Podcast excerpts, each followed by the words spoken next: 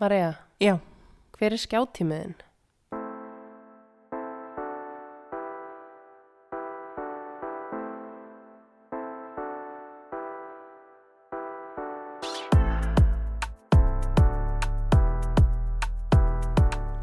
já, skjátími. Uh, ég er ekki tilbúin að ræða það alveg strax eða ofinbera það. Kanski setna í þættinum. Já, kannski eftir munum við fara yfir það. Já, hver veit. En áður en við byrjum þáttinn, þá ætlum við að minnast á bakkjarla þáttarins sem eru sem áður Cheatocare og Playroom.is. Cheatocare ættu þið að vera farin að kannast við en það hafa þau stutt við baki á okkur núna í svolítinn tíma. Mm Fastur punktur í okkar tilveru. Heldur betur, uh, það er sem sagt íslenskt húðvöru fyrirtæki sem framleiðir krem og maska, bodyscrub og fleiri vörur og við erum búin að nota þessa vöru núna í marga mánuði og mjög ánæðar með þær. Þá sérstaklega andlitskremi, það hefur verið svona fastu punktur í okkar tilveru. Já, það er pínu svekkjandi sko, sko hvað við erum að hitta að fáa þessa dagana. Af því að þú veist, fólk fær ekki að sjá hvað húðun okkar er góð. Algjör skellur. Þannig að nefi á mér er að skrælna akkurat núna því ég er búin að vera svo kvef. Þá hefur kremið komið á góðum notum, ekki satt? Vissulega. En inn á cheatocare.is þá fáið þið 20% afslátt af öllum vörum með kóðanum ingileif20. Einmitt. Og svo er það playroom.is sem er eins og við höfum einmitt líka komið inn áður, ótrúlega falleg uh, og svona uh, og nútímaleg umhverfisvæn badnaveru verslun. Mhm. þar sem að hægt er að versla allskynns uh, nýtsamlegar, fallegar vörur fyrir okkar yngsta fólk uh, og við erum mjög hrifnar allavega af því sem við höfum prófað við og svonur okkar að sjálfsögðu líka uh, og það er hægt að versla sagt inn á playroom.is allar vörur og fá sendt heim. Og við erum líka með afsláttakóða þar og hann gildir sem sagt inn á vefsíðunni playroom.is og hann er e, raunveruleikin 15 15% afsláttur af öllum vörum. Heldur betur, við þökkum okkar uh, kæru bakkjörlum fyrir sem áður.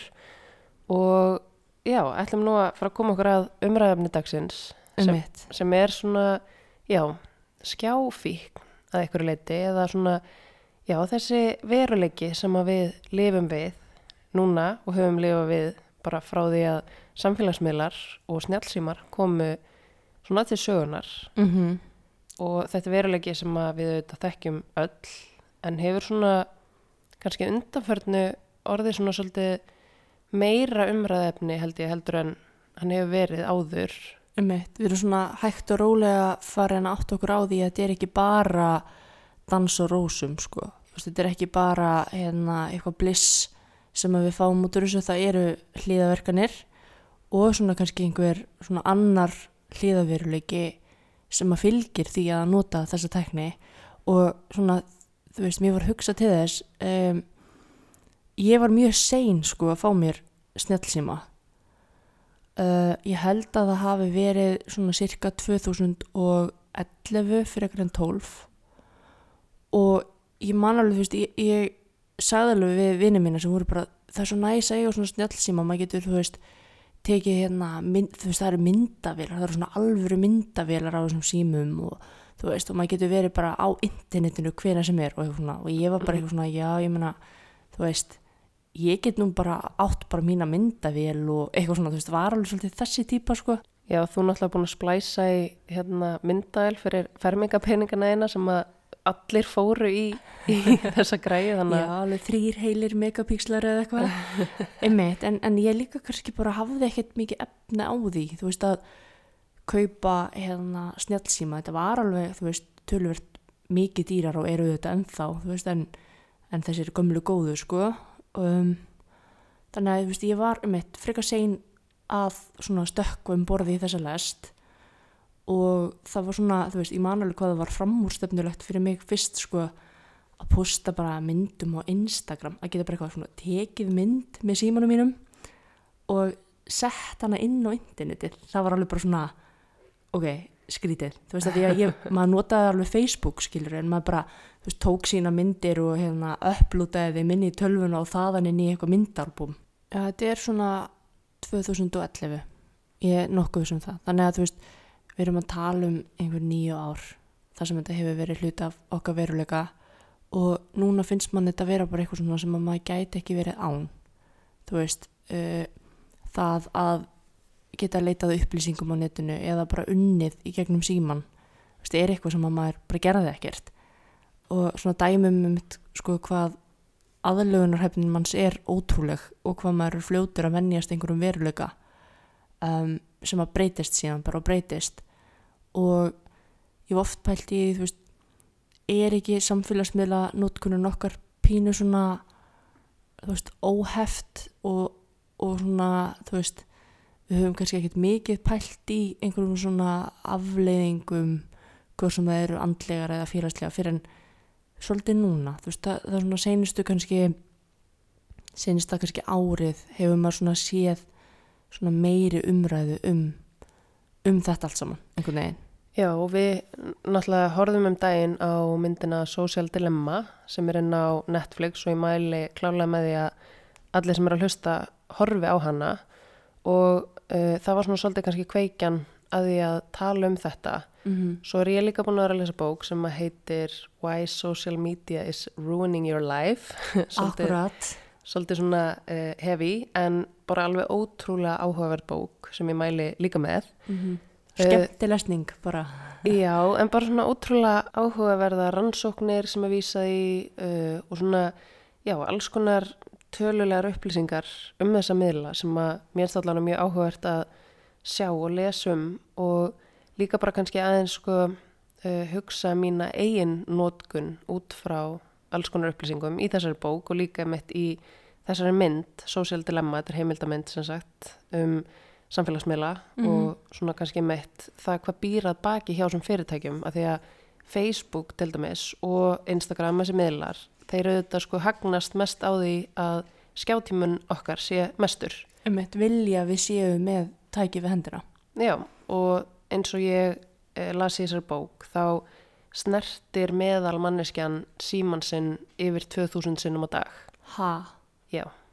Og- 2000 sinnum. Já, ef þú hugsar um það, þú ert alltaf að snerta símaðinn eða þú veist, eh, eitthvað takan, grípan, fær hún á milli staða eitthvað. Já, og flestir eru að kíkja á síman sinn á kannski uh, 5 til 10 mínuna fresti yfir allan daginn. það er rosalegt sko. Já, það er nefnilega rosalegt og uh, ótrúlega mikið af svona tölulegum upplýsingum sem að maður fær svona guðmengóður auðvitað, hvað er aðmanni mm -hmm. til dæmis bara það að þú veist, fólk er svo háð þessu miðlum og það getur ekki einu svona kert bíl án þess að vera ofta að kíkja um eitt eða farið í bíó. Emitt og það er ótrúlega sorglegt að við séum svona farin að missa af alls konar stundum í raunverulega lífinu. Í raunveruleikanum. Já, í raunheimum að því að við erum svo föst inn í þessari uh, lúpu inn á samfélagsmiðlum sem auðvitað er búin til, þú veist, þetta er hannað til þess að gera okkur háð. Um eitt þannig að mjög áhugavert og þess vegna kannski út frá þessu sprettur hugmyndana þessum þætti. Þetta kveikir það ekki á sömu bara hérna, stöðvum og eiturlif gera eða þú veist Jú. svona velíðunar stöðvum heilans.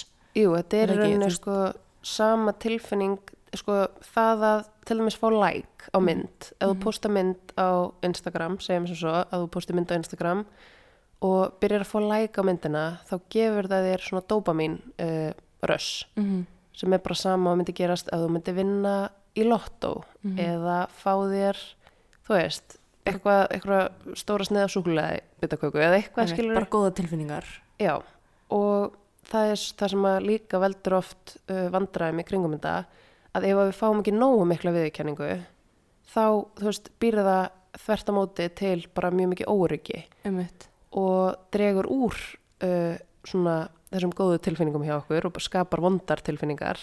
Þannig að, þú veist, örgla margir sem er að hlusta hafa postað mynd inn á Facebook og, eða hérna Instagram, ætla ég að segja eða posta status á Twitter, posta status á Facebook, postað einhverju sem að fær ekkit rosalega mörg like bara á fyrstu mínútunni og viðkomandi eðið út. einmitt af því að það er svo ótrúlega vond tilfinning sem fylgir því. En er þetta samt ekki svolítið svipað eins og bara með að drakka kaffi? Mm þú veist, fyrst þegar þú drekku kaffi þá þarftu rosa lítið kaffi til þess að finna rosa mikið kikk. Ég hef bara persónulega reynsla af þessu ég hef frekar nýbyrjað að drakka kaffi og hérna, og hægt og rólega það þarftu alltaf sko meira og meira koffín til þess að fá sum áhrif og fjöxt fyrst. Og þetta er alveg saman með sígarettur, eitulif uh, og annað. Að þú veist uh, mesta hættan við það af hverju þú veist, fólk getur fengið sko uh, hérna, dáður ofstúrum skamti til dæmis er að sko heilin venst alltaf meira og meira ma- magni þannig að þú þarft alltaf meira og meira. Og svo kannski hættur í einhver tíma og tekur aftur sama magn og tókst áður fyrr og þá bara fer það alveg með hérna með þig, þú veist, er þetta ekki svipað með lækin, þú veist, ég veit ekki, ég er bara að tala algjörlega hérna út úr einhverju hérna. En þú veist uh, er þetta ekki samt, er ekki að yfirfæra þetta yfir það, þú veist að fyrst þegar maður var að byrja á Facebook eða Instagram, þá var bara geggja að fá tíu like, -hmm. maður var bara wow, ég fekk alveg yfir, þú veist að það kom þarna á Instagram þá breyttist þið ekki talan í eitthvað og þegar þú fórst yfir tíu eða ellefu eða eitthvað, þá, þá breyttist eitthvað hvernig það leit út eða ekki? Jú, ef þú varst undir tíu þá var bara upptalning á nöfnunum. Já, Ef þú fórst yfir tíu þá, Þá fór- stóð fór að- 10 likes. einmitt, þá fór talan að, að rúla og það var bara svona eitthvað meðatala, fá bara tíu tól like þá. Mm og hérna, en svo þarf alltaf bara meira og meira og meira til að finna sömu tilfinningu. Og hvenar er nóg nóg, skilur þau, hvað eru nógu mörg likes, er, er, er, er eitthvað svona samfélagslegu skilningur um það? Hvað er vel hefnuð mynd, veist, er hún illa hefnuð ef það eru 40 likes, veist, hvar þarf maður að fá 500 likes til þess að myndin sé flott? Eða þú veist, er, búið að semja einhvern stað, staðal um þetta? Nú spyr ég þig, ég, þú ert fróðar en ég um þessi mál. Sko, emmitt, það er góð spurning að því að þetta er alveg uh, ótrúlega svona sorglegt þegar maður pælir ekki í því að veist, fólk postar eitthvað mynd vendanlega því að það langar til þess að postinni finnst hún falleg eða er ánægt með sig á þeirri mynd eða bara ánægt með myndina yfir höfuð svo fær hún ekki eins mörg like og þú myndir vilja og þú tekur hann út.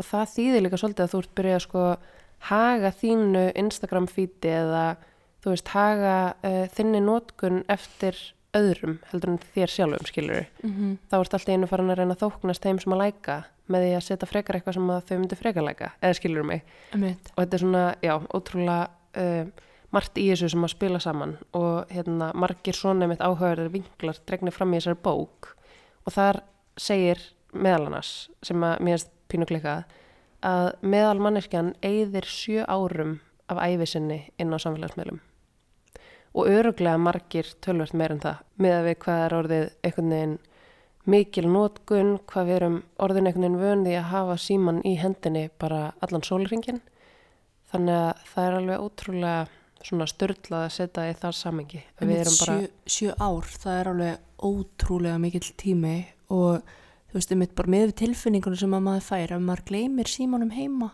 óvart, mm, þú veist, maður er bara eitthvað á leiðinu vinnuna og maður hefur fyrir því að snúa við af því að maður getur auðvitað ekkert verið án símans þú veist, hva, hvað maður að gera án hans. En einmitt sjö ár sko, þú veist ætli, sko ætli að sé þannig, þegar maður verður vonandi orðin bara það gamall að hérna, ef maður fer að verða, verða gamall, þar að segja. Mm, og æfi dagarnir eru svolítið svona að líða hjá. Ætla maður muni hugsa tilbaka og hugsa sko vá hvað ég er þakklátt fyrir þessi sjö ár sem ég tók á mínu lífi í því að sko skrolla upp og niður á tækirumunu og skoða mjög innihalslösa hluti oft.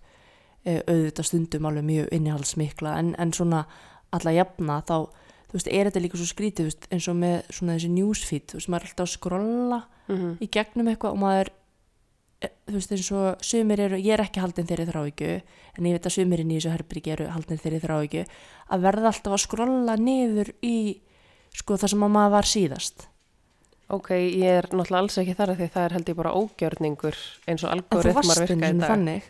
Þú veist þú varst alltaf að klára Já, nú, nú er það ekki hægt lengur. Nei, nú er Instagram feed ekki lengur þannig, það er bara algoritma stýraði hvað þú serð sko. ah ok.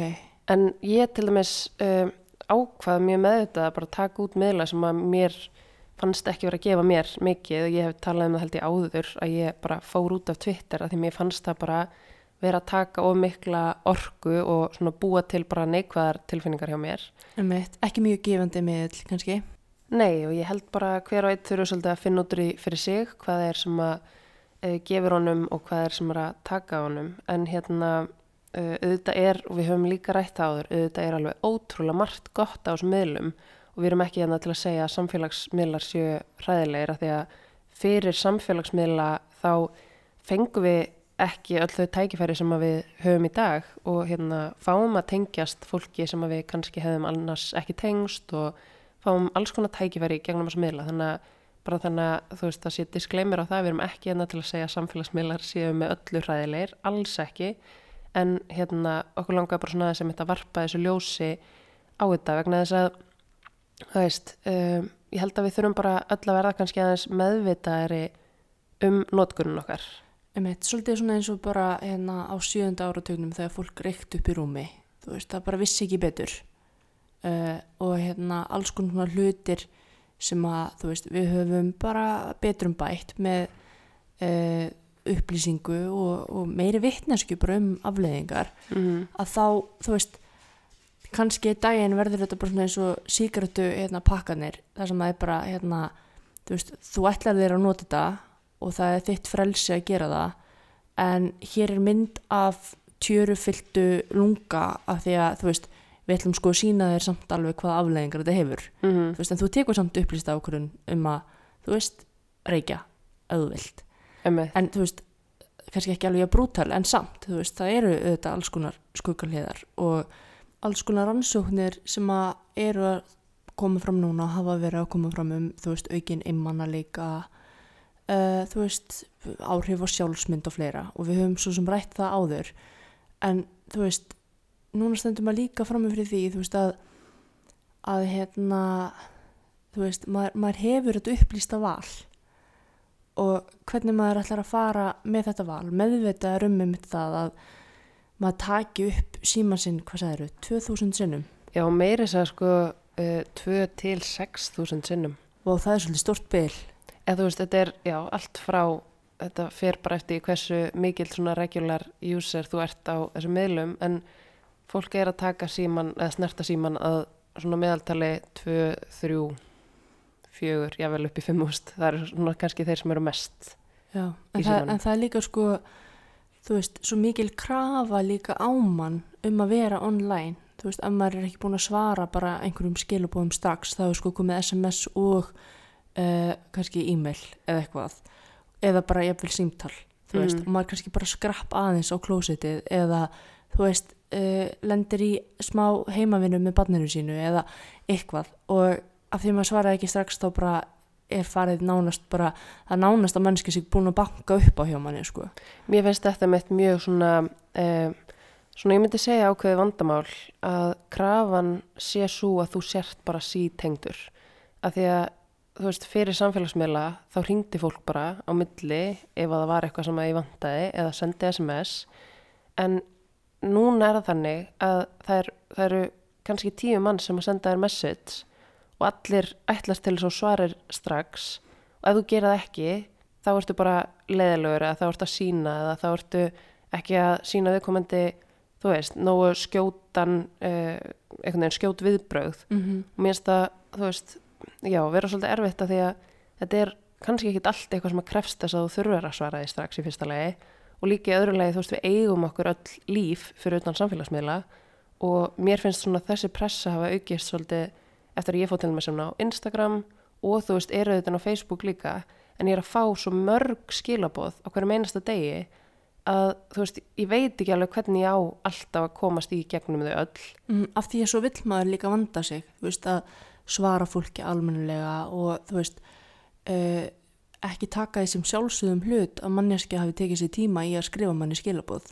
Alls veist- ekki og mér finnst það einmitt bara, þú veist, ég legg mig alla fram við að svara öllum og ég held að ég geri það alveg vel, þú veist, inn á Instagram til dæmis, þar sem ég fæ, þú veist, alls konar skilabóð, ég legg mig alla fram við að svara þeim vel, en svo er þetta bara svona, þú veist, einmitt líka bara inn á Facebook Messenger, þú veist, maður er að reyna sitt besta við að svara allir en þetta bara, þú veist, þetta, þetta er bara svo mikið flæði upplýsinga alltaf að það þetta er erfitt að keep up, sko. En svo er þetta líka spurning um sko, ætla ég að eiga hérna setni part bara með fjölskyldurum minni eða bara horfa á hérna vídeo með konunum minni eða fyrir gungutúru eða eitthvað eða ætla ég að horfa á skjáum minn og svara fólki Mm þú veist, það er svona hérna, maður hefur auðvitað val. Ég er endar, þú veist ég er alveg freka léleg í að svara og ég svara oft bara nokkrum dögum setna og ég finn ekki fyrir miklu samvinskubiti eða mikil pressu en ég fæ auðvitað ekki jafn mikið af skilabúðum og þú Nei, en þú sko, ég er Þú svona ert líka núna, ofta að skamma mig að ég sé of lengi að svara. nei, ég er sko núna aðalega að tala um Messenger en á Facebook sem að þú ert miklu, miklu dögulegur að svara heldur en ég. Já, svona, já, ég tek sk- skorpur en ég geimi oft og st- stundum geimi ég bara mjög mikilvæg skilabóðu sem að ég ætla að svara og svo bara heldur lífið áfram og ég er óvart ekki búin að svara því og kemur bara jafnvel í vandræði út af því, sko. Já, þetta er nefnilega, þú veist, þessi krafa um það að vera sítengdur finnst mér oft erfið, sko. Uh, en allavega, það er, það er bara veruleiki sem að við búum við og Mhm. þurfum kannski bara líka að vega með þetta, þú veist, hvað er það sem að, þú veist, ég þarf að svara akkurat núna og hvað má býða, þú veist. Svo getur maður líka stilt bara notificationin í símanum sínum. Það er eitthvað trikk sem að mér langar aðeins að, að svona vinna í. Að sko ég gerði það einhvern tíman að ég tók af öll notification og það var mjög þægilegt en svo var ég fljóta að koma mér í vandræði af því að vinnan mín er þess eðlis að ég þarf bara að sjá skilabóð Mm en maður getur alveg stilt held ég einhvern veginn svona að maður fái notification á ákveðnum miðlum og ákveðnum miðlum ekki. -hmm. og hérna þú veist, það eru þessi notification sem að ruggla í manni sko, af því að þú veist maður situr einhvers staðar og síminn fyrir að titra. Mm og þá er bara búið að búa til svona virka skilirðingu uh, bara við það að síminn titra þú tekur hann upp. Alveg sama sko hérna í hvaða aðstæðum maður er í hvort sem maður er fundur eða maður er í, á tónleikum eða maður er í matabúði. -hmm. að maður, þetta, þetta kveikir á forvetni bara úbyttu er einhver að hafa sambandið mig. Og það meiri svo mjög oft sem að það er svona orðið vani hjá manni að taka upp síman og svona ít á takkan og aðtuga hvort það sé eitthvað komið. Mm og svo er ekki neitt og maður bara svona fer samt einhvern veginn inn og skrollar og heldur áfram að skrolla og ég meina þú veist í þarna social dilemma hérna þættinum komum mitt fram bara þú veist spurningin sko hvort skoður fyrst síman þegar þú ferð á klósetu á mótnana eða upp í rúmi þegar þú vaknar? -hmm. af því að annarkvort er svarið. Það er annarkvort þannig að þú opnar augun þú tekur síman, þú byrjar að skrolla eða að þú, þú veist, tekur hann með þér á klósetu og byrjar að skrolla þar. Einmitt, og þetta er auðvitað uh, allt sko eitthvað sem er hægt að tengja því að þú fórst aðeins að tala um fíknaðan þú veist eins og að, veist, að drekka kaffi eða taka eiturleif eða eitthvað svo leis mm. að sko allt við þessa samfélagsmiðla notkun er eitthvað sem mjög auðvitað getur fallið undir fíkn. Mm og þú veist maður er þessi miðlar eru auðvitað þannig svo kemur fram í þessari mynd að þeir eru hannar til þess að uh, gera þið háðan þeim -hmm. og það er alltaf verið að taka upp á einhverju nýju til þess að láta þið taka upp síman og núna nýjasta er það sé ég allan á mínu Facebooki að nú er ég að fá notification um það á minn skjá að mamma mín hafi kommentað á mynd hjá frængu minni Ha, er það? Já, stu, ég kom ekki nálægt myndinni, ég er ekki búin að læka hana, ég er ekki búin að kommenta hana, bara hef ekki eins og séð hana, en ég fæ notification um það að mamma hafi kommentað hana bara til þess að ég opni síma minn, íti á notificationi og sjáu mynd sem ég hef ekki séð áður, þú Af veist. því að líkundir á því að þú farir síðan þaðan yfir á þitt newsfeed og farir að skrolla eru 90 og eitthvað prosent eða eitthvað svo leiðis. Já, þannig að það er einhvern veginn verið að búa til, þú veist, ef það er bara lægð á þínu eigin Facebooki, þá skulum við bara draga það inn með einhverjum öðrum hætti. Mm. og þetta er svo ótrúlega svona klikkað þegar úti það er farið því á endanum eru þau þetta bara þessi risar, þessi social media risar sem eru Facebook, það er Google, það er Instagram það er, það eru þeir sem er að græða á því að þú sért sem mest á miðlanum, af því að þeir fá auglýsingatekjur út á það af því að þú munt sjá einhverja skriljón auglýsingar á hverjum degi á öllum þessum miðlum og í hvert sinn sem þú sér þær þá eru þeirra tekjur að aukast og það er alveg bara í raun algjör störlun hvaða eru miklir peningar sem að fara út í, þú veist, fara til þessara fyrirtækja bara við það að við séum að nota miðlana. Og það er eiginlega bara svona, þegar maður setur það í það samengi, þú veist, hvað þetta er allt hannað í rauninni bara til þess að, sko, svala uh, einhverjum peningaþörfum einhverja nokkura ríkra einstaklinga. Einmitt. En svo eru vel þrælar þessa af því að ef þú átt fyrirtæki Mm eða ert í einhverjum business eða ert í pólitík eða ert í þannig geira að það skiptir máli að fólk viti hver þú ert eða vitir hvað þú ert að gera eða hvað þú ert að selja að þá ertu ekki með í geiminu nema að taka þátt í geimi þessu. Þú, veist, þú, þú getur ekkit komist upp með það í dag að selja vörunniðinar bara eins og fólk geði í gamla daga sko, bara Mm. með ein, einni blaðauglýsingu eða eitthvað og, og svo einna, þú veist, einhverjum útvarsauglýsingum eða þú veist, þú getur það alveg en, en þú veist, líkotnir á því að ná til fleiri einstak, einstaklinga fyrir minni pening er á samfélagsmiðlum þannig að veist, það er alveg eðlilegt að fólk leiti í það. Algjörlega. en svo er alltaf verið að þrengja meira og meira að fyrirtækjum til þess að þau þurfa að eyða meira og meiri peningum líka. Ég þekki það alveg af hinni hliðinni. Þú veist, ég hef starfað bæði sem markastjóri og svo líka núna, veist, í pólitík og svona. Maður að reyna að koma einhverjum skilubúðum áfram og svona. Og þú veist það er orðið mjög stránt eftirlit uh, hjá allan að pólitískum síðum sem er svo sem alveg fínt. Þú veist að núna er komið nýtt veist, ég þurft að skanna inn hérna, passan minn um daginn til þess að fá leifi til að vera með auglýsingakánt á hérna, síðun okkar af því að það er einhverja nýja reglur í bandaríkjunum um það. Og ég hugsa alveg eftir á bara er eðlilegt að ég hafi bara skannað passan minn mm inn og sendt inn til Facebook? Bara þær upplýsingar um mig til þess að ég fái heimild til þess að halda vinnunum minna áfram Að því að síðan emma er einmitt orðin svolítið svona eins og þú ert að tala um bara þræll þessa. Að því Já. að þegar maður svona sess niður eftir á og, og svona aðeins setur hlutin samingi, þá auðvitað er það, veist, störtlað að maður sé tilbúin bara einhvern veginn í blindni að bara taka myndapassanum sínum, bara gera svo vel, Facebook, þú veist, social media, hvað ætti ég að gera annað skilur, Auðvitað, einmitt. þú veist, að því ég meina pólitíki þannig að þú veist, líf stjórnmálaflokka eða stjórnmálamanna er fólki í því að fólk viti um hvað uh, maður er að tala og hvaða skilabóð og bóðskap maður veist, hefur fram að færa og uh, það er búið að sko keira niður uh, læksíður þannig að ef maður postar bara hlutum án þess að bústa þá eða þannig að þá eru mjög litla líkur á því að það fái eitthvað svona organic reach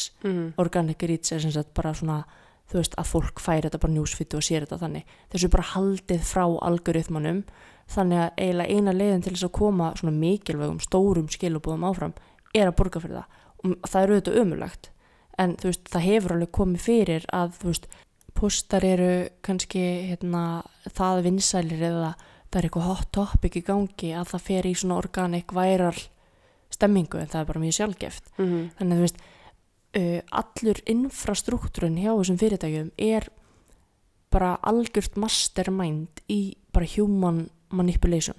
Já, og þetta er bara tilraun hjá þessum fyrirtækjum sem hefur bara svínu virkað og þetta eru einstaklingar, þeir eru auðvitað með fullt af sérfræðingum við vinnu sem hafa bara helgað sér því að skilja hvernig manneskjan virkar. Já, og eins og við höfum komið inn á oft í þessum þáttum þá eru við sem spendir alveg ótrúlega svona veiklind gagvart svona freystingum, gagvart hegómanum, gagvart e, svona sjálfsmyndinu okkar. Það er mjög auðvelt að manipulita þa þann hluta í okkur mm. og þú veist, ég og þú erum alveg jafn sekar þar og hver annar sko.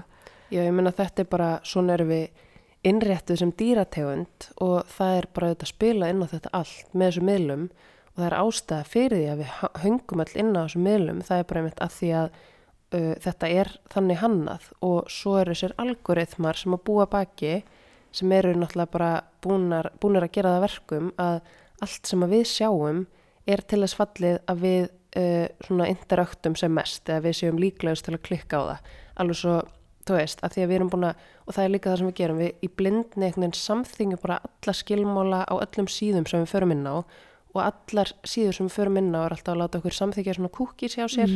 Mm, og það er í rauninni gert til þess að þær geti afla meiri upplýsinga um okkur. Einmitt. til þess að síðan miðlanir sem við förum inn á gefa okkur upplýsingar sem henda okkur best. Ég man einhvern veginn þá hérna var ég að plana mér langaði að bjóða þér surprise til London.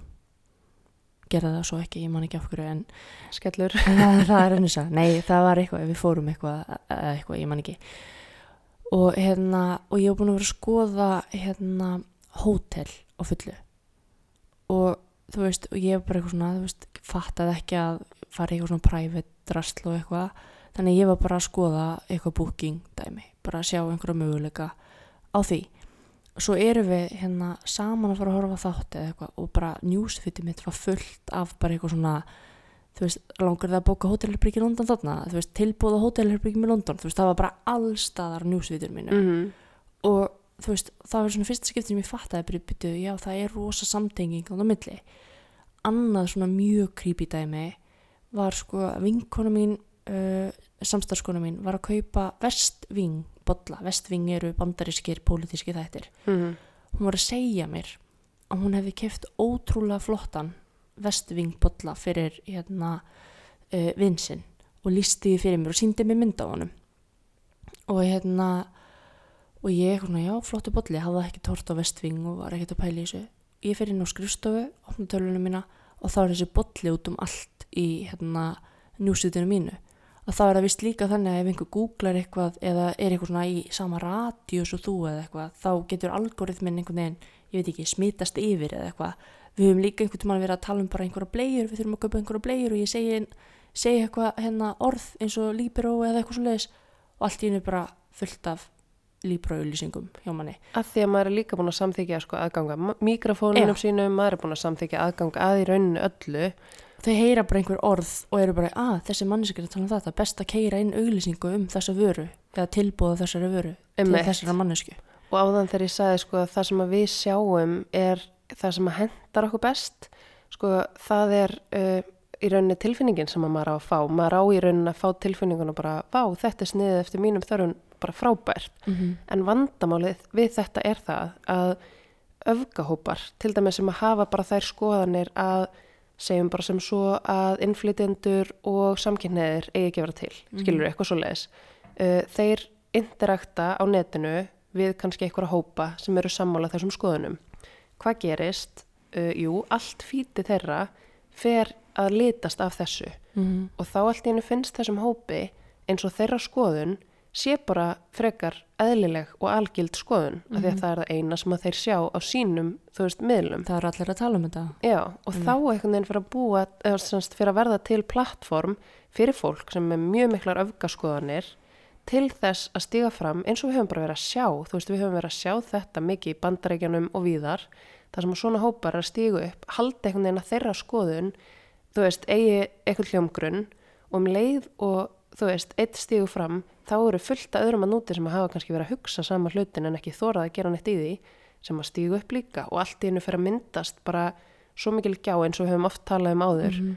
og það fyrir að verða rými fyrir fólk sem er bara mjög vondar skoðanir, þú Mhm. veist bara öfgafullar skoðanir um að bara mannréttindi, þú veist ákveðin hópa eigi bara ekki að vera til skilur þau, um þannig að þú veist það eru alls konar svona skuggahliðar af þessu sem að þú veist, kannski hugmyndin um það að snýða efni að þú veist, þér getur hljómað mjög vel en nefnir þegar þetta fer út af þessa braut og þetta líka og við svolítið um fólk sem að uh, skoða mikið samsæriskenningar inn á Mm. netinu uh, það fólk getur verið að fá upp alls konar hópa sem að í rauninni fara að bjóða þeim inn til sín, þú veist mitt, inn í nýtt samfélag bara. Já, og fara oft sko að fara út í alls konar öfgar sem að getur líka verið bara, þú veist, mjög hættulegt og jafnvel ógnað líðræði ríkja vegna þess að sko falsfrettir sem eiga sér stað oft líka inn í svona, þú veist, uh, hópum eða á fíti hjá fólki sem að er að interakta við eitthvað ákveðið efni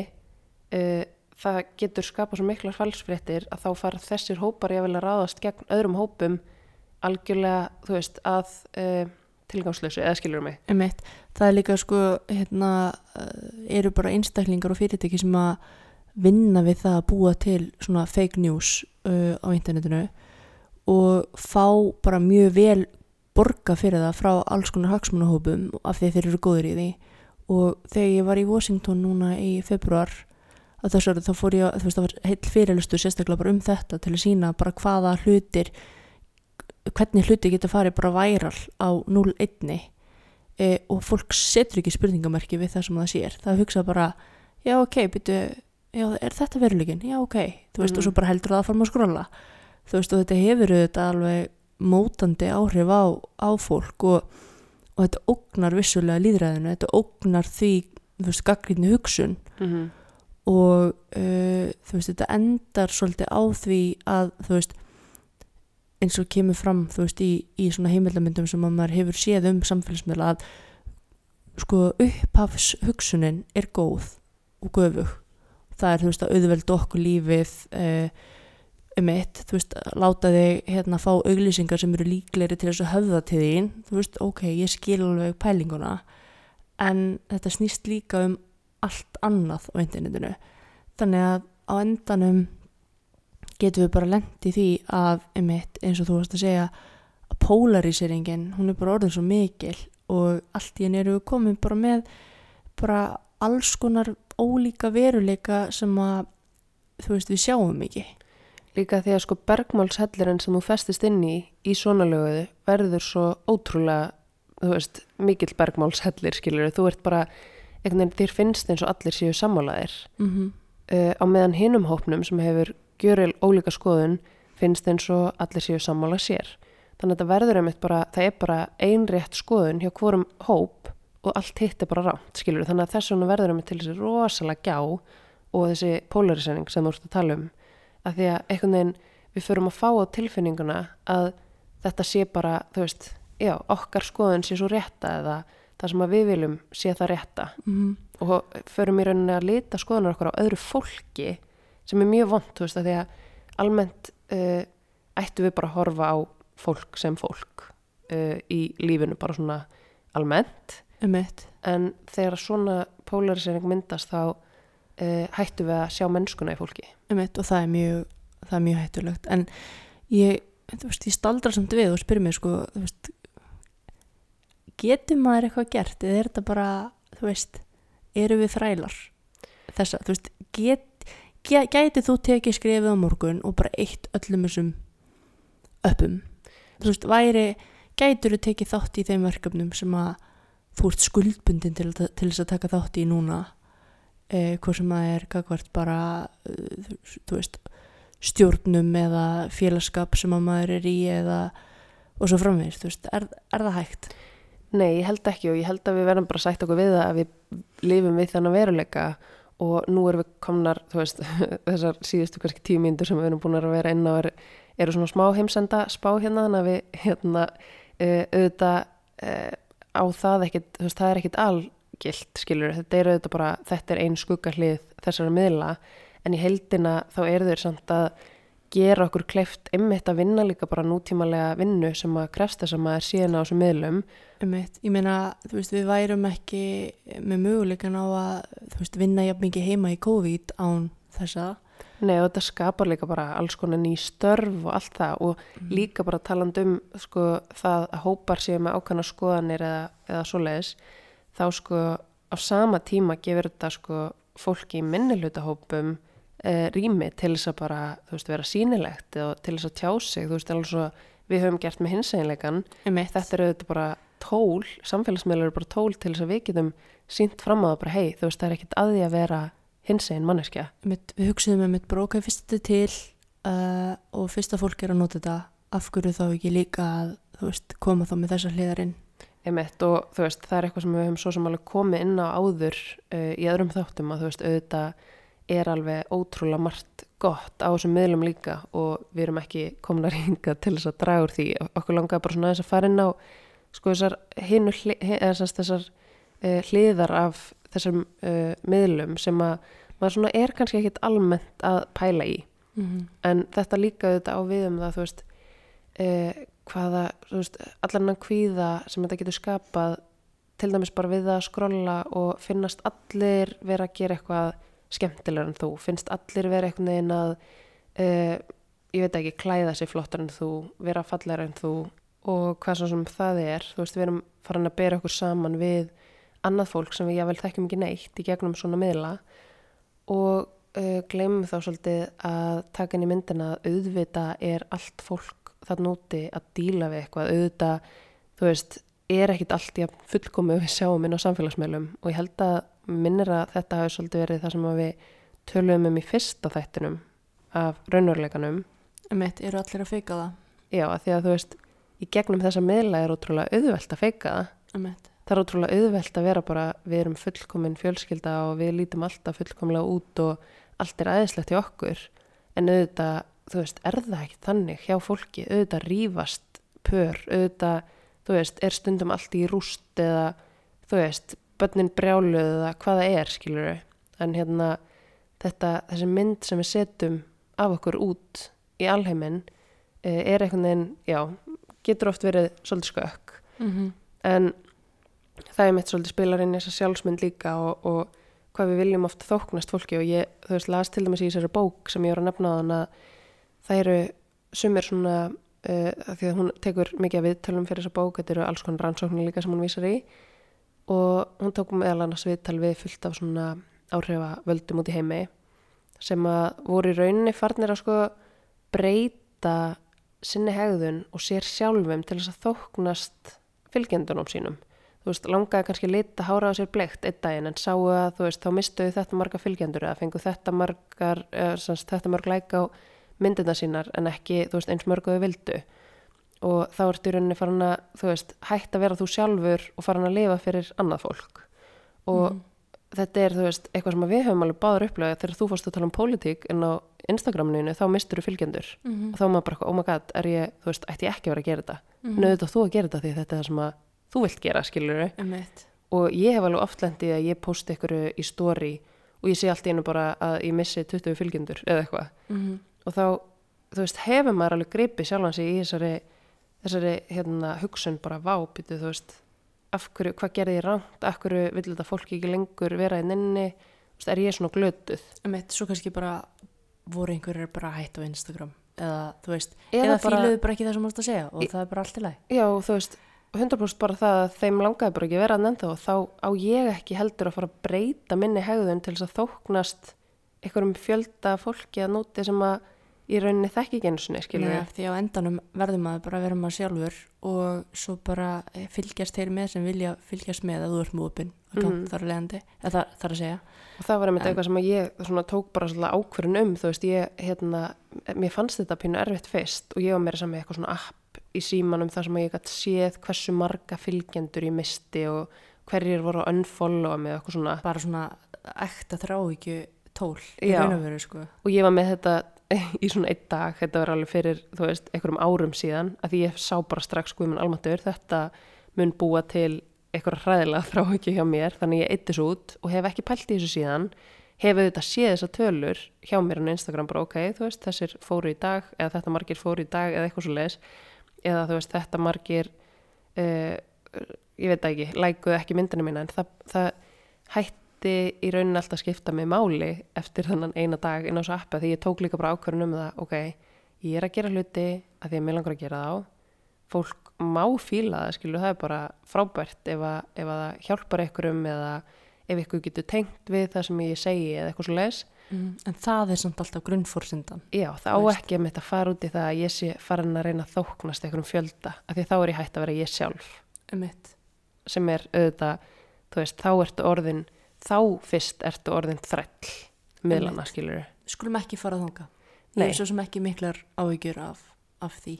Nei, að því að síðan líka, hérna, þegar maður pælir í því hvað þetta er oft, verður svo svakaleg hjarðhegðun að, hérna, fólk er oft byrjað að ferðast á ákveðna stað í heiminum, bara vegna þess að það er búið að sjá svo mikið myndum inn á Instagram og það fer sérstaklega á einhverja staði til þess að taka myndir af sér og postin á Instagram af því að það var það sem allir hinnir gerðu og það ég vel kaupi sér einhvern mat af því að það sá matamyndir hjá einhverju frægu fólkinu á Instagram og þetta verður svo mikið bara svona, ok, fyrir hvern er ég að gera þetta? Er ég að fara í þetta frí og fara á alla þessa staði að því mér raunverulega langar til þess og það er fyrir mig gert eða er ég að gera það að því að mér langar að vera eins og allir hinnir? Emitt. Og það er, þú veist, maður þarf að skoða þannig drifkraft hjá sér, sko. Þú veist, af hverju langar mig að gera hlutina. Þú veist, er ég að elda þennan mat af því mér langar að elda eða er þetta fín mynd fyrir Instagramið mitt, Mhm. veist. Og hérna, er ég að gera eitthvað fyrir manneskjunum sem ég elska þú veist, raunverulega eða er ég að gera það því að þetta getur verið gott content fyrir hérna samfélagsmiðluna mína Emmett, þú veist, því að þú veist, þetta er rosa þunn lína sko. algjörlega og það er svona uh, þegar maður setur þetta í samingi ég held að allir að núti uh, örgulega allir sem er að hlusta hafi ykkur tíman tekið mynd af ykkur og sett í stórið hjá sér bara vegna þess að það hjá okkur um öðrum og fannst það, þú veist, töff og vildi gera eins þú veist að því að það er líka þessi hjarðhegðun er ótrúlega rík í okkur sem mann fólki skilur Mhm. þetta er bara eitthvað, þú veist, ef að ef að ykkur gerir eitthvað uh, sem er vinsælt þá bara höfum við öll í okkur hennan tendens að vilja gera það sama því að það þýðir að við erum líka töff við erum Mhm. þá líka, þú veist, vinsæl eða við erum þá líka jafn flott á þessi einstaklingur Einmitt. þannig að hérna en maður þarf bara svolítið að, þú veist, passa sig á þessu að því að við líka, þú veist verðum að passa okkur einmitt að vera ennþá við sjálf Einmitt. og uh, þú veist, það er aldrei hægt að gera öllum til geðs stundum langar mann bara að gera eitthvað sem ekki allir aðrir er að gera og ef að maður, þú veist, missir fylgjendur við það eða fær færri læk á myndina sínar eða eitthvað, þá bara verður að hafa það þú veist, við skulum ekki vera að breyta okkur fyrir annað fólk. Og fylgjenda fjöldi er ekki fylgni við sko manngæði eða mannkosti sko. Veist, og- langt í frá. og- það er ekki hérna, mæli hverði á, á árangur í lífunu eða annað þú veist, það er bara það er ekki þannig. En talandum, þú veist, þennan veruleika og hérna og þetta skroll sko. Ég er eiginlega, sko, ég minna í því eiginlega- ég gleymi, gleymi eiginlega alltaf að posta hlutum sko, þú veist, ég er ekki mjög, mjög dugleg í því, þú veist, ég ég er meira í því að þú veist, ég er í fallegu mómenti og ég fatt eftir að, ú, það hefur kannski verið sniðut að taka fallega mynd hér, þú veist. Ég, ég er meiri bara einhvern veginn ég er algjör samfélagsmiðla sveimhugi sko. Þú veist, það er bara það er bara þannig og ég get ekkert breytt í þú veist, og, og ég er bara eins og ég er og allt það. En hérna en ég hins vegar sko minn akkilesarhæll er svolítið þú veist að að þurfa að veist skoða fylgjast með umræðum, fylgjast með hlutum fylgjast með hérna veist, málumni líðandi stundar, það er líka eðli vinnunar og oft svona óljós skil þar á milli. Svo ertu reynda líka svolítið í því að horfa okkur svona sæt kvolpamynd og eitthvað svona. Nei, já, eða þú veist, einhverja svona auðlýsingar um óþarfa hluti eða eitthvað svona sem að mjög mjög sniðut en er kannski ekki mjög sniðut en hérna sem ég panta stundum óvart á netinu og er síðan kannski ekki jafn gott og leit út fyrir að vera en það er önnur saga. Um, en taldum þú veist svona þennan skjá tíma þú veist, þú talar um að þú veist, við erum að tala um sjö ár. Mm hvað heldur þú sett með bara í dag? Hver er skjátímiðin í dag? Ertu að tala um þá bara social media? Eða ertu að tala um bara, getum við sundilega það. Ok, hvað er það aftur sem er meldt, er social media og svo bara skjá, að- annað eða? Já, núna er ég til dæmis búin að vera með skjáin svona Mm, opin hjá mér á meðan við erum búin að taka upp þennan þátt. Uh, Einmitt. að því að ég er með svona nokkra punta sem að ég var búin að taka saman út úr þessari bók ok, tökum annars vegar hérna, samfélagsmiðla og hins vegar bara heildar skjátími um, Samfélagsmiðlar, úff, ég veit það ekki. Hvernig dagurinn dag, það var hérna jarðskjálti, það, það var mikið aksjón uh, þurfti kannski svolítið að skrolla eftir það Vá, við áttum eftir að koma inn á hann jarðskjálta, dísus krest hvað ég var hætt en ok, En það var um samfélagsmiðla, þú veist, maður fekk miklu sko sneggri upplýsingar með því að fara bara aðeins inn á Twitter eða Facebook til átt að sjá því svona sirka hvað var í gangi. mm Þú veist, fjölmjölar voru miklu lengur að koma með svona, þú veist, ég þurfti bara að fá einhverju upplýsingar og, eða bara einhverja samkend eða finna að einhver annar var að upplifa það sama og þar fann maður á samfélagsmiðlum sko. Auðvitað, þetta er að hérna, Klikkaði við þetta. já, ég veit ekki þrýr til fjóri tímar, erum við að tala um meira Ég, ég veit ekki, þú náttúrulega sofst alveg fyrir eitthvað lengi í dag.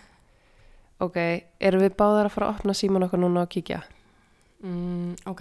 ok, ég, þú veist ég veit ekki, ég er ekki viss ok, ok ég er búin að opna síman minn nú ætlum við bara að taka sko social networking Hvor heldur þessi með lengra? Ég held að þú sést með mér Ok. Uh, Káttu með það? social networking hjá mér er tveir klukkutímar og tíu minútur. Ok, En hjá þér. þrýr klukkutímar og tvær Damn, mínútur. þú er náttúrulega ert miklu meira inn á samfélagsmiðlum en ég sko. Ég held samt að því að þú varst rosa mikið mitt í kringum hennan jarðskjálta og svona varstu inn á hérna Twitter og svona Nei, eða, þú veist, en entertainment er sko 54 mínútur hjá mér. Entertainment, það er Já. nú ekki eins og inni hjá mér Ætli það sé ekki þingið. Já, Og, í, já þá ertu í rauninni, þú ert með þá jafn mikinn tíma og ég svona nei, að það er vinna sko. En ég var líka að horfa, horfa á hálfa Netflix þátt. Það er entertainment En það er af því, já, ok. Ég myndi segja, ég myndi Svo taka sko- þetta saman Productivity 12 mínútur. ég veit ekki hvað það er. 35 mínútur hjá mér, ég veit ekki hvað það er heldur Nei. En hvað ertu með heildarskjáttíma þá? Eh, heildar skjátíminn er fjórir klukkutímar og 38 mínútur. Minn heildarskjáttími þegar við byrjum þennan þátt var rétt rúmi fjóru klukktímar Mm. nema nú er hann orðin fjórir og 58 mínútur því ég er búin að vera með skjáin opinn allan tíman Já, hvernig getur séð hvernig það var áður? Ég bara sá það þegar ég opnaði síman aðan ég, ah, ég ok. tók smá sneak peek á Þannig þetta að þú vissir þetta, varst að svindla á þann. Nei, nei uh, En er, er hægt að sjá svona meðaltal? En ég held líka á hann að við værum að giska bara á social media sem ég var alls ekki búin að sjá En Dag, ef þú ferði í vík, þá er sko daglegt hérna, meðaltal hjá mér 5 klukkutímar og 7 mínútur. hvernig gastu síða vikuna? Það er hérna bara svona, það er hérna bara, Uh, ok, já, já, hérna má ég sjá week Já, hvað sagður þitt daglega meðaltal 5 væri? klukkutímar og 7 mínútur. Já, mitt er 5 klukkutímar og 40 mínútur Hvað heldur við hræðilegt. getum gert á 5 klukkutímum? Vá, þetta er eiginlega skelfulegt að horfa á Þú þetta veist, sko. ég og þú, við tölum alltaf við höfum ekki tíma. Mér, Ég skammast mín sko en þetta erum við ofta að sinna hlutum, þú veist, það er ekki það. En Og þú veist- núna er þetta sérstaklega kannski upp á síðkastið því að það er búið að vera þú veist. Já, við höfum verið í þessum undarlegu aðstæðum sem hafa gert að verkum að við höfum verið inn heima, höfum verið að vinna heima sem hefur auðvitað krafist þess að við séum ég vinn mjög mikið í símanum, sko. Ég nenni ekki alltaf að opna tölvuna, sko. Þannig að þetta, þetta er líka það, sko. Við skulum alveg hafa það á hreinu. algjörlega, ég bara er að Strax komar ekki eða. Eitthvað, ég er ógustlega góð, sko. Ég er alveg, veist, ég hef ekki við vandamáli stríða, sko. Þetta er allt í lagi. þetta er bara algjör fíkni hegðun hjá okkur akkurat núna Nei, ég minna, þetta er bara tímaball. Þetta er bara tímabil. Þetta er ekki, þetta er ekki, hérna, alvöru vandamál. við erum fíklar En þú veist, maður er vakandi í hvað, hvað, 12 tíma? mm eitthvað svo leiðis Nei, meira. 16, 15 tíma. já, Þetta eru 5 tímar af því. þetta Það er, þetta það er kannski eftir lagi allt hlutfall. nei, þetta er allt og mikið sko. en hérna, en máli er mitt vissulega fer mikið að vinnunum hans fram í gegnum síma Já. og samfélagsmiðla uh, vinna þú veist, mín vinna undanfarnar mánuði hefur eila alfarið farið fram þannig að öll verkefni sem ég hef sint hafa í rauninni með einhverjum hætti farið fram í gegnum síma eða samfélagsmiðli tölvu Mm hvort sem ég hef verið að vinna fyrir eitthvað fyrirtæki eða, eða í ykkur ákveðnu verkefni en Einmitt. það er önnur saga uh, Já, En- við getum bætt okkur þarna. En þú veist, já, ég Kanns, held, kannski spurningum að taka óþörf, þú veist, skera fyturlægi frá, þú veist, ekki vera í þessu að óþörfu. Og, Já. og ég, ég er að hugsa um að vera með challenge mm að opna ekki síman þegar maður vaknar á mótnana og byrjar að, hérna, byrja að skrolla eða fara á klósiti heldur bara að leifa sér að vakna og opna síman eftir að maður er búin að, veist, borða morgumat eða, veist, koma sér á stað inn í daginn. já, ég er sko svolítið þar þú ert hérna, þú vaknar á mótnana og byrjar að Já, skrolla ég hef með líka bara lent í því að, að, þú veist, vakna klukkan kannski sex og það er bara einhver skandall búin að eiga sér stað eða eitthvað rosalegt í vinnunni eða eitthvað, þú veist. nú ertu fíkill að réttla þetta hegðun Já. en ég vakna við að þú veist með svo þú hefur engan sens á svona byrtusteg á símanum. Ég vakna alltaf við að þú veist með byrtuna í hámarki ég bara valla múin að opna augun og þú ert bara komið með eitthvað mega byrtu í andlita á mér. Uh, en ég er meira svona, ég fer fram og kíki svo á síman en ég er hins vegar á móti kom með mót challenge að því við ætlum að taka þetta challenge, þetta er Mhm. gott. Mitt mót challenge er að vera ekki símanum þegar maður er komin upp í rúm. Af Kannski bara almennt challenge ekki sími nálat rúmi. Já, það er líka bara mjög gott challenge. að því við oft, þú veist, leggjumst upp í rúm erum að skrolla kannski í eitthvað tíma áður en við kannski byrjum að horfa þátt eða áður en við förum að sofa, skilur við Einmitt. Tími sem að hefði betur farið í eitthvað annað. bara sleik, uppbyggilegra. Já, sleik til dæmis einmitt. ég segi svona, nei, hérna, en þetta er bara eitthvað, eitthvað sem að ég held að maður megi klárlega bæta, þú veist, fimm klukkutum að minnst allt og mikið, ég skammast mín og ég fæ bara svona, öða, Ég ætla að setja mig markmið fyrir næsta þátt. hvað ætlar að vera komin niður í? viku average undir fjóra Já, sama hér kannski. Ég, kannski er það ekki eins og metnafull jú, þú veist, á þessum tímum veist, það, það er bara fyrir að nota tölvun og brókslega mikið ég væri til að gera challenge bara fara nýri klukkutíma á dag. ok, En síðan var ég til dæmis, en þá kannski nýta maður með þann klukkutíma bara betur. Já, en ég var til dæmis að hérna uh, hlusta podcast um daginn sem ég man ekki alveg hvað var, en þá var verið að tala um það sko að þú gætir stilt, uh, stilt að þannig að símiðin er á do not disturb, þú veist, á milli klukkan 5 og 8 eða eitthvað svo leis. já, eða milli klukkan 2 og 7 þú veist Mm. eins og okkur bara þegar strákurinn okkur er búin í dagmömmu þá Mm. til hann fyrir að sofa að þá Mm. eigum við bara í raunin að vera með síman okkar fjarrri að því að ég líka finn það stundum ef það er eitthvað mikið í gangi mm. að við erum kannski að leika við hann eða við erum að gefa hann að borða en samt, að grípa í já. síman já, og mér finnst þetta svona þegar ég gríp sjálfa mig í þessu mómenti eða sé þig í þessu mómenti þá fæ ég bara svona uh, þetta er ekki í lægi nei, við vorum nefnilega sko mjög strángar með þetta fyrst þegar hann fættist Mhm. vorum við bara, nei, ég ætla bara að horfa á batnið mitt, ég ætla ekki að horfa á síma minn. Þú veist, Mhm. eins og með brjóstagjöfin og eitthvað svona veist, þetta var alveg svona, já, ég ætla bara að vera í mómentinu. Mm og svo einhvern veginn, veist, eins og með svo margt veist, við ætlum líka að gera allt alveg eftir bókinni, eitthvað alls konar hlutum. -hmm. við vorum í svona kannski 6 til 7 mánuði bara mjög strikt á alls konar hlutum en svo, þú veist, að ég veit ekki það er bara það er bara gerist- gerist, flóknar en svo, svo gerist bara gerist lífið. bara lífið, já. Já, já.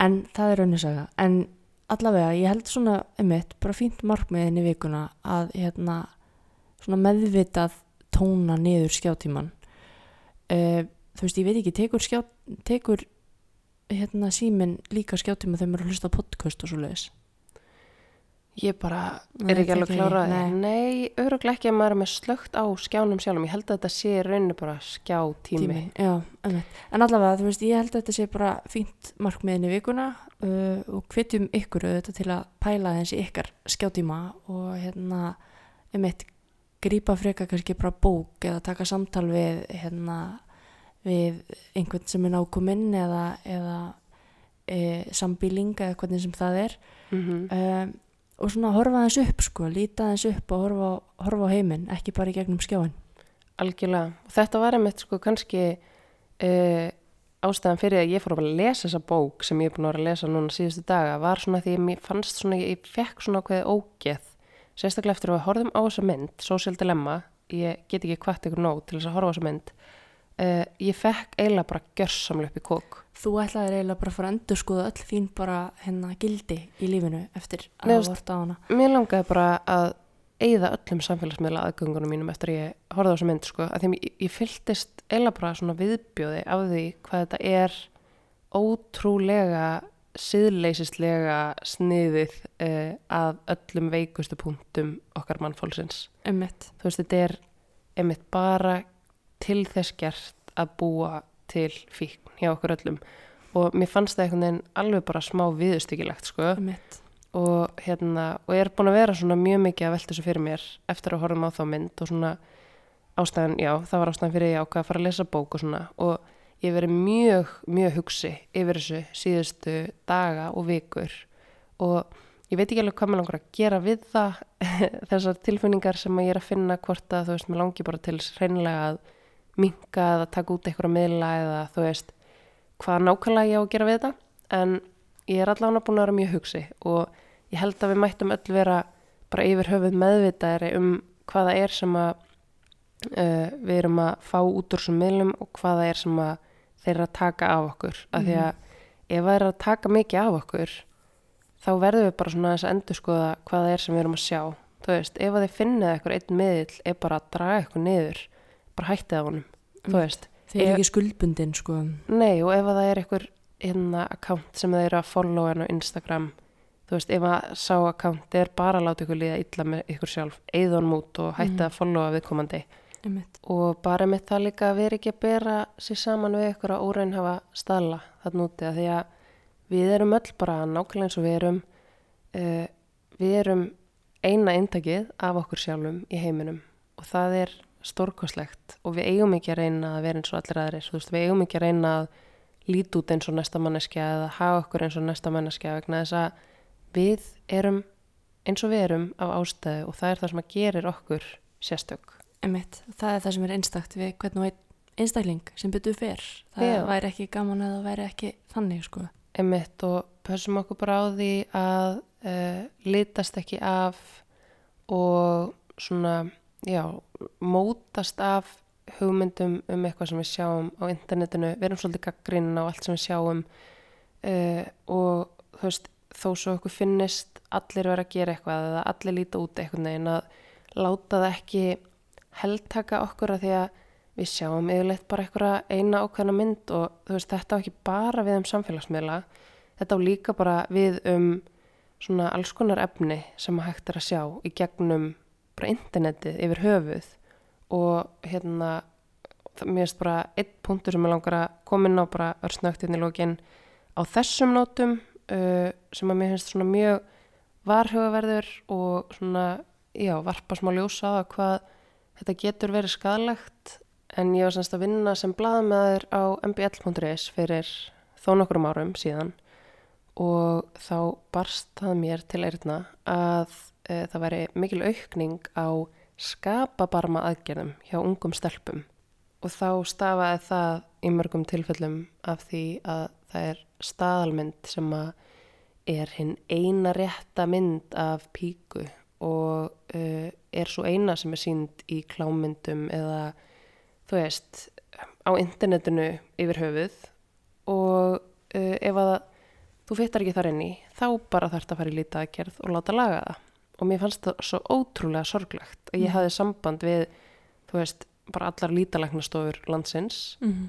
uh, nema hvað að þær þurfa ekki að gefa upp svona upplýsingar og neytu þar leðandi allar að gefa upp upplýsingar um hversu margar aðgerðir þetta voru en við komumst að því með svona, já, ýmsum leiðum að þetta væru rosalega margar aðgerðir sem að mér fannst alveg ótrúlega svona, þú veist, ég einhvern veginn bara svona, Lýsandi kannski fyrir bara pressuna. eða já, já, að því að þú veist, að því að sko, þannig er ég bara að tala um aðgerðir sem eru í rauninni fegrunar aðgerðir. Ég er ekki að tala um svona læknisfræðilegar aðgerðir. Auðvitað getur það þurft bara að uh, gera aðgerðir uh, út af heilsufarslegum ástæðum eða Úþægndum eða... já, einhverju, einhverjum svona miklum óþægindum. En þannig er ég bara að tala um sagt, uh, til þess að fegra eitthvað. Mæta einhverjum, einhverjum svona glansmyndum.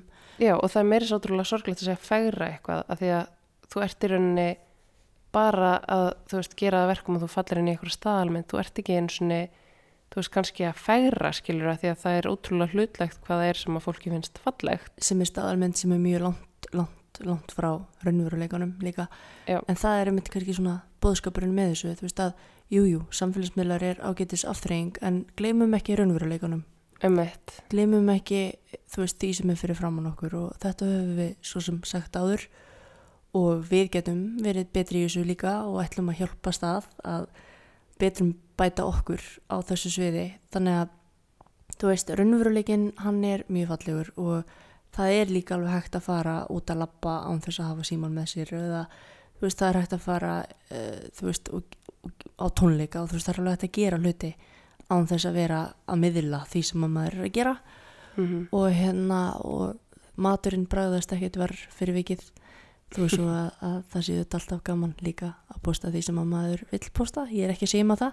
En eins og ég segi, bara hérna þú veist, við erum bara meðvituð. Þetta er bara, þetta er bara spurningum svona upplýsta nótkun algjörlega. og uh, með það fyrir augum að okkur líði vel.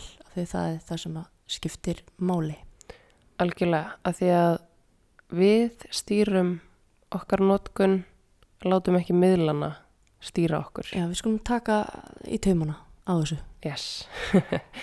Á En- þeim nótum held ég að við getum farið bara að segja þetta gott. Já, að lókum þá minnum við bara aftur á samstarfsaðalun okkar. Það eru Cheetocare og playroom.is og þar eru afsláttakóðar bæði hérna af öllum vörum inn á heimasíðunum þeirra. Mm -hmm. Uh, annars vegar eru við að tala um 20% afslátt uh, inn á cheetocare.is af öllum vörum með afsláttakóðanum Ingileif Ingilif 20. 20, á, guð, Ingilif 20, Já, og hins vegar, hins vegar erum við að tala um 15% afslátt af verunum inn á playroom.is með kóðanum raunveruleikin 15.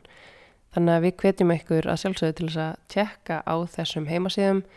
Núna er einmitt tíminn til þess að skoða hlut á netinu einmitt, eins og Marja gerir oft uh, með alls konar óþarfa vörur en þú veist, er- erum við ekki að tala um óþarfa vörur. Við þurfum þetta eru nýtsamlegi hlutir. Já, við þurfum að hérna, passa upp á húðin okkar, setja á okkur krem og við þurfum að hérna, vera meðutum með hvaða hluti börnin okkar leika sér með Einmitt, og hvers konar leikfung við veljum fyrir börnin okkar og hérna hvetjum ykkur til að skoða þorska leikfungin hjá Playroom.